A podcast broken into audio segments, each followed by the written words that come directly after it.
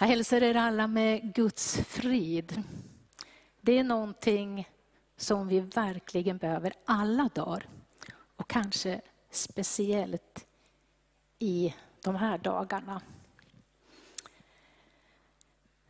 Du som känner mig, du vet att jag är lite vän av ordning och att jag gärna håller mig till kyrkoåret. Och så även idag. Idag är det fastlagssöndagen och temat är kärlekens väg. Kärlekens väg som går till förlåtelse och försoning. Och kan det vara något tema som skulle passa bättre med de rapporter som vi har hört? Kärlek, förlåtelse, försoning.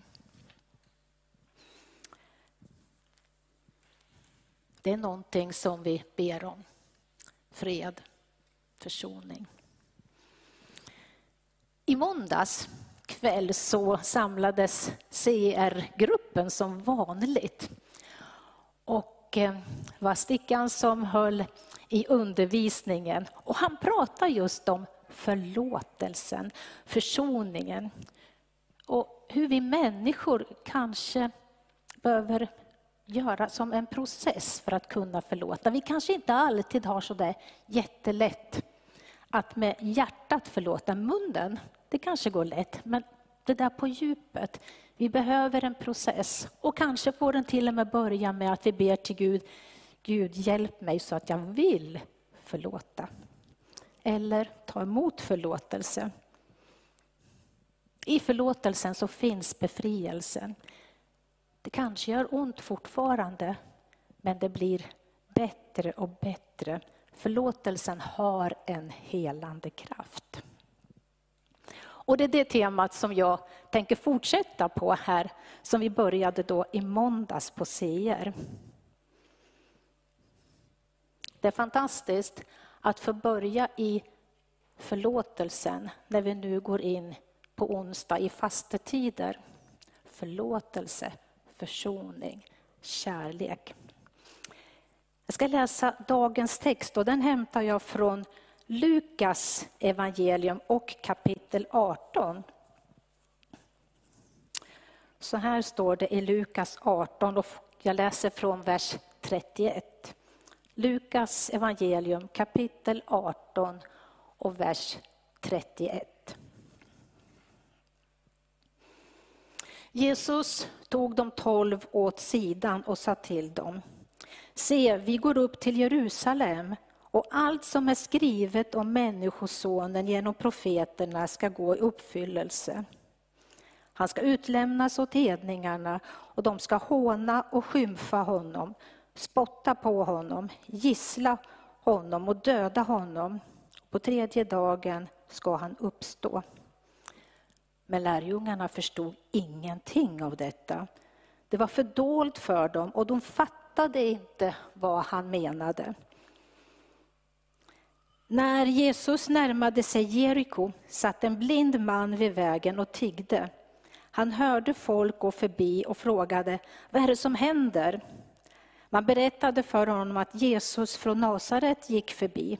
Och då ropade han, Jesus, Davids son, förbarma dig över mig. De som gick främst sa åt honom att vara tyst. Men han ropade bara ännu mer. Davids son, förbarma dig över mig. Jesus stannade och befallde att mannen skulle ledas fram till honom. När han kom närmare frågade Jesus, vad vill du att jag ska göra för dig? Han svarade, Herre gör så att jag kan se igen. Jesus sa till honom, du får din syn, din tro har frälst dig. Genast kunde han se och han följde Jesus, prisade Gud och allt folket som såg detta prisade Gud. Underbart. Jag tänkte ta dig med till Jeriko, eller trakterna runt omkring Jeriko. Jeriko ligger 400 meter under havsytan, ja fast på land då. Skulle vi bege oss 400 meter upp i bergen österut så står det en, en skylt med sea level. Då har vi alltså kommit till havsytan. Fortsätter vi ytterligare 800 meter, då kommer vi upp på höjden av Jerusalem. Det är alltså bokstavligen en lång stigning och vandring man har framför sig när Jesus och hans lärjungar säger vi går upp till Jerusalem. Det var verkligen att gå upp till Jerusalem. Hans ord väcker inte någon större entusiasm måste jag säga hos lärjungarna. Eh, det framgår på andra ställen i evangelierna. De tycker den här vägen den var farlig. Eh, den var inte bara jobbig och svettig liksom att gå, utan den var också farlig. Så varför skulle de bege sig till Jerusalem? Men trots det, trots lärjungarnas kanske lite svaga protester, men i alla fall så var Jesus målmedveten, han var fokuserad. De skulle gå till Jerusalem och de skulle göra det nu. Jesus vet att hans liv har ett syfte och han vet att hans liv ska brytas ner och att hans blod ska läka en sargad värld. Men det förstår ingen annan än han själv. Han vet det. Men lärjungarna förstod inte detta än, så för dem var det här mycket märkligt. Är det här verkligen rätt att gå upp till Jerusalem nu?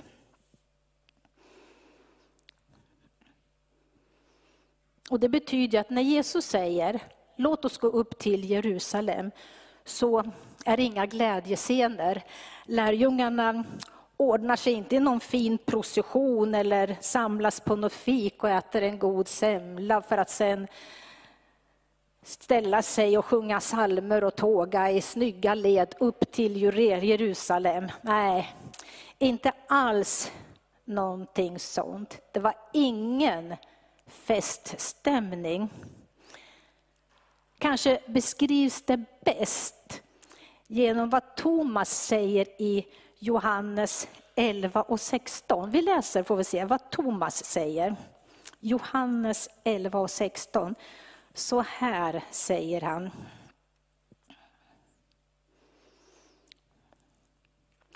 Thomas, som kallades tvillingen, sa då till de andra lärjungarna, låt oss gå vi också och dö tillsammans med honom.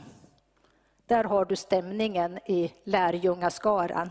Inte speciellt mycket fest och jubel. Låt oss gå och dö tillsammans med honom. De sprang alltså inte förväg.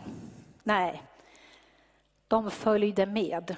De gick bakom Jesus, smått bävande. Och som sagt, de förstod inte. Vad är det som händer? Varför? Och varför just nu?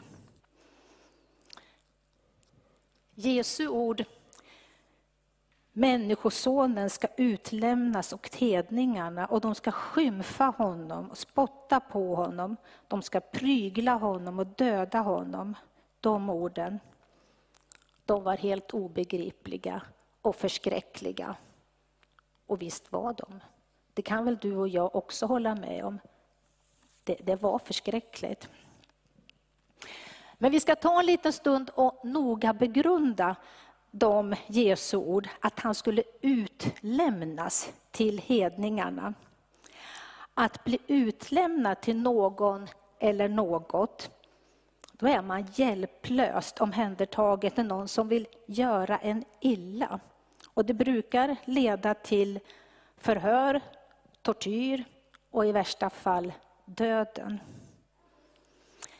Men så här är det, att det ordet utlämnas kan också översättas med utges. Och då fylls plötsligt Jesu ord om sin dystra framtid med ett gudomligt, kärleksfullt ljus. Känner du skillnaden mellan utlämnad och utges? Det är två olika betydelser. Det betyder att i det som på ytan kan se ut som arrestering, tortyr till döds, det låter Gud något ske som är till läkedom för, och välsignelse för hela mänskligheten i alla generationer. Då, för dig och mig idag och för dem som kommer efter oss. Utgiven skulle Jesus bli i Jerusalem. Utgiven kommer han att bli när budskapet om honom sprider sig som ringar på vattnet över hela vår jord. Idag så landar de här orden utgiven, för dig utgiven i våran kropp i nattvarden när vi tar emot den. Kristi kropp för dig utgiven. Den mänskliga förnedringen av Gud som blivit människa vänds av Gud själv. Den vänds till välsignelse för hela vår mänsklighet. Men det är väl verkligen inte konstigt att lärjungarna inte förstod det. Det är ju faktiskt omvälvande. Jag tror knappt du och jag heller skulle förstå det om vi var med då. Vi visste ju bara vad som var där och då. Men texten låter oss också möta en person till. Det är lärjungarnas oförmåga att förstå, så finns det en som inte kunde se, men ändå förstå. Det är den blinde mannen vid vägkanten. Han hör att det är en människoskara som är på väg och att det ska finnas en viktig person där också. Han hör det och han vill veta, vem är det där som kommer? Och så får han reda på att det är Jesus från Nasaret och så ropar han, Davids son, förbarma dig över mig. Då formulerar han en av sina böner. Och jag tänker att det är nog den viktigaste bönen för oss alla. Den innehåller faktiskt allt. Varför krångla till det? Jesus, förbarma dig över mig. Förbarma dig över vår värld. Sen händer det någonting mycket märkligt. Jesus går fram till den här blinde mannen och säger, vad vill du jag ska göra för dig? Men Jesus, karln är ju blind, han sitter vid vägkanten. Det måste du väl se vad han vill? Förstår du inte Jesus? Ja, Jesus kunde nog se ändå vad han behövde den här mannen, men han frågar i alla fall. Jesus tvingar sig inte på någon och Jesus frågar mannen, vad vill du jag ska göra för dig? Och då får den här mannen möjlighet att formulera ytterligare en bön. Gör så att jag kan se igen. Gör så att jag kan se igen. Ytterligare en fin bön som vi har orsak att be idag. Du får gärna låna den här bönen också. Den här mannen, han hade kunnat se.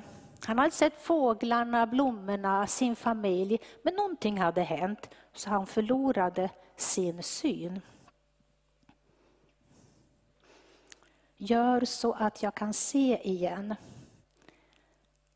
En fin bön som jag tänker att vi kan ta med oss nu när vi går in i fastan på onsdagen, i kom och fyll på.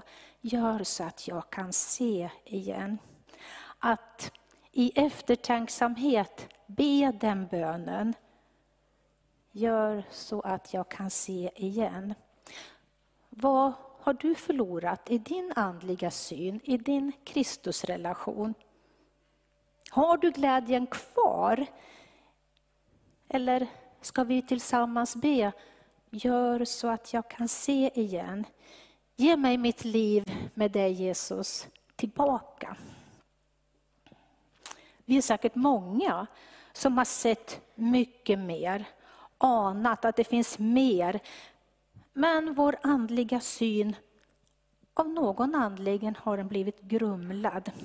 Många är vi som har sett bibelorden lysa, de har blivit levande. Vi känner att det här är precis till mig. Det här är till mig. Men sen av någon anledning blev bibelläsningen slentrian, vana och lystern, den hade försvunnit. Det förlorade sin glans helt plötsligt. Nu i fastans tid så har du möjlighet att be. Jesus Kristus, förbarma dig över mig. Gör så att jag kan se igen. Igen. Det finns alltså en bland de här oförstående, skummögda efterföljarna på väg mot Jerusalem. En som ser igen och som därför följer med Jesus. Han som hade varit blind. Han såg nämligen det viktigaste. Han såg in i Jesu ögon och tog emot det Jesus gav honom. Och när han gjorde det så präglades han av det. Det satte spår i hans liv. Han följde honom. Men det finns ju tolv till som vandrar där, som inte förstår. Hur går det för dem då? Ja, men det gör inte så mycket. De förstod inte då, men de får under vandringen och under tiden i Jerusalem vara med om stora saker. Det är fortfarande kanske så mycket som de inte förstår, men de lägger hans ord på minnet. De lägger dem på minnet. Och när, efter uppståndelsen, hela det stora sammanhanget börjar klarna, så blir det här som Jesus sa i backarna upp mot Jerusalem, dagarna i Jerusalem före sin död. Det blir plötsligt guldord som aktiveras i apostlarnas minnen. Och vet du vad som händer? De kan se igen. Det blir tydligt för dem vad han sa. Ja, men nu förstår vi. Jag tänker så här, att fastetiden kan vara för dig och mig en bromssträcka i livet. Att låta tempot sjunka, låta bruset lägga sig. Vi får vända oss mot Jesus i hans försoningsverk och där, i hans försoning, där blir människa och Gud en hel relation igen. Förr eller senare så öppnas ögonen när man lever i fastetiden och påsken med bönen Herre förbarma dig, gör så att jag kan se igen. Ögonen kommer att öppnas. Amen. Ja, Herre, så tackar vi dig för att du kan öppna våra ögon. Vi tackar dig för att du förbarmar dig över oss. Så Herre vill jag be om en välsignelse över alla som sitter och brottas med olika saker. Öppna ögon, öppna hjärtan du Herre. Och så får du komma in med ditt ljus. Amen. Det kommer också att finnas här i sidosalen ett förbönsteam som gärna vill hjälpa dig att be med sånt som du tänker på och vill ha hjälp att be med. Du kanske har sjukdom i familjen, du kanske har problem med ekonomi. Det finns mycket vi brottas med. Du kanske har släktingar som far illa. Eller du kanske vill be, Herre gör så att jag kan se igen.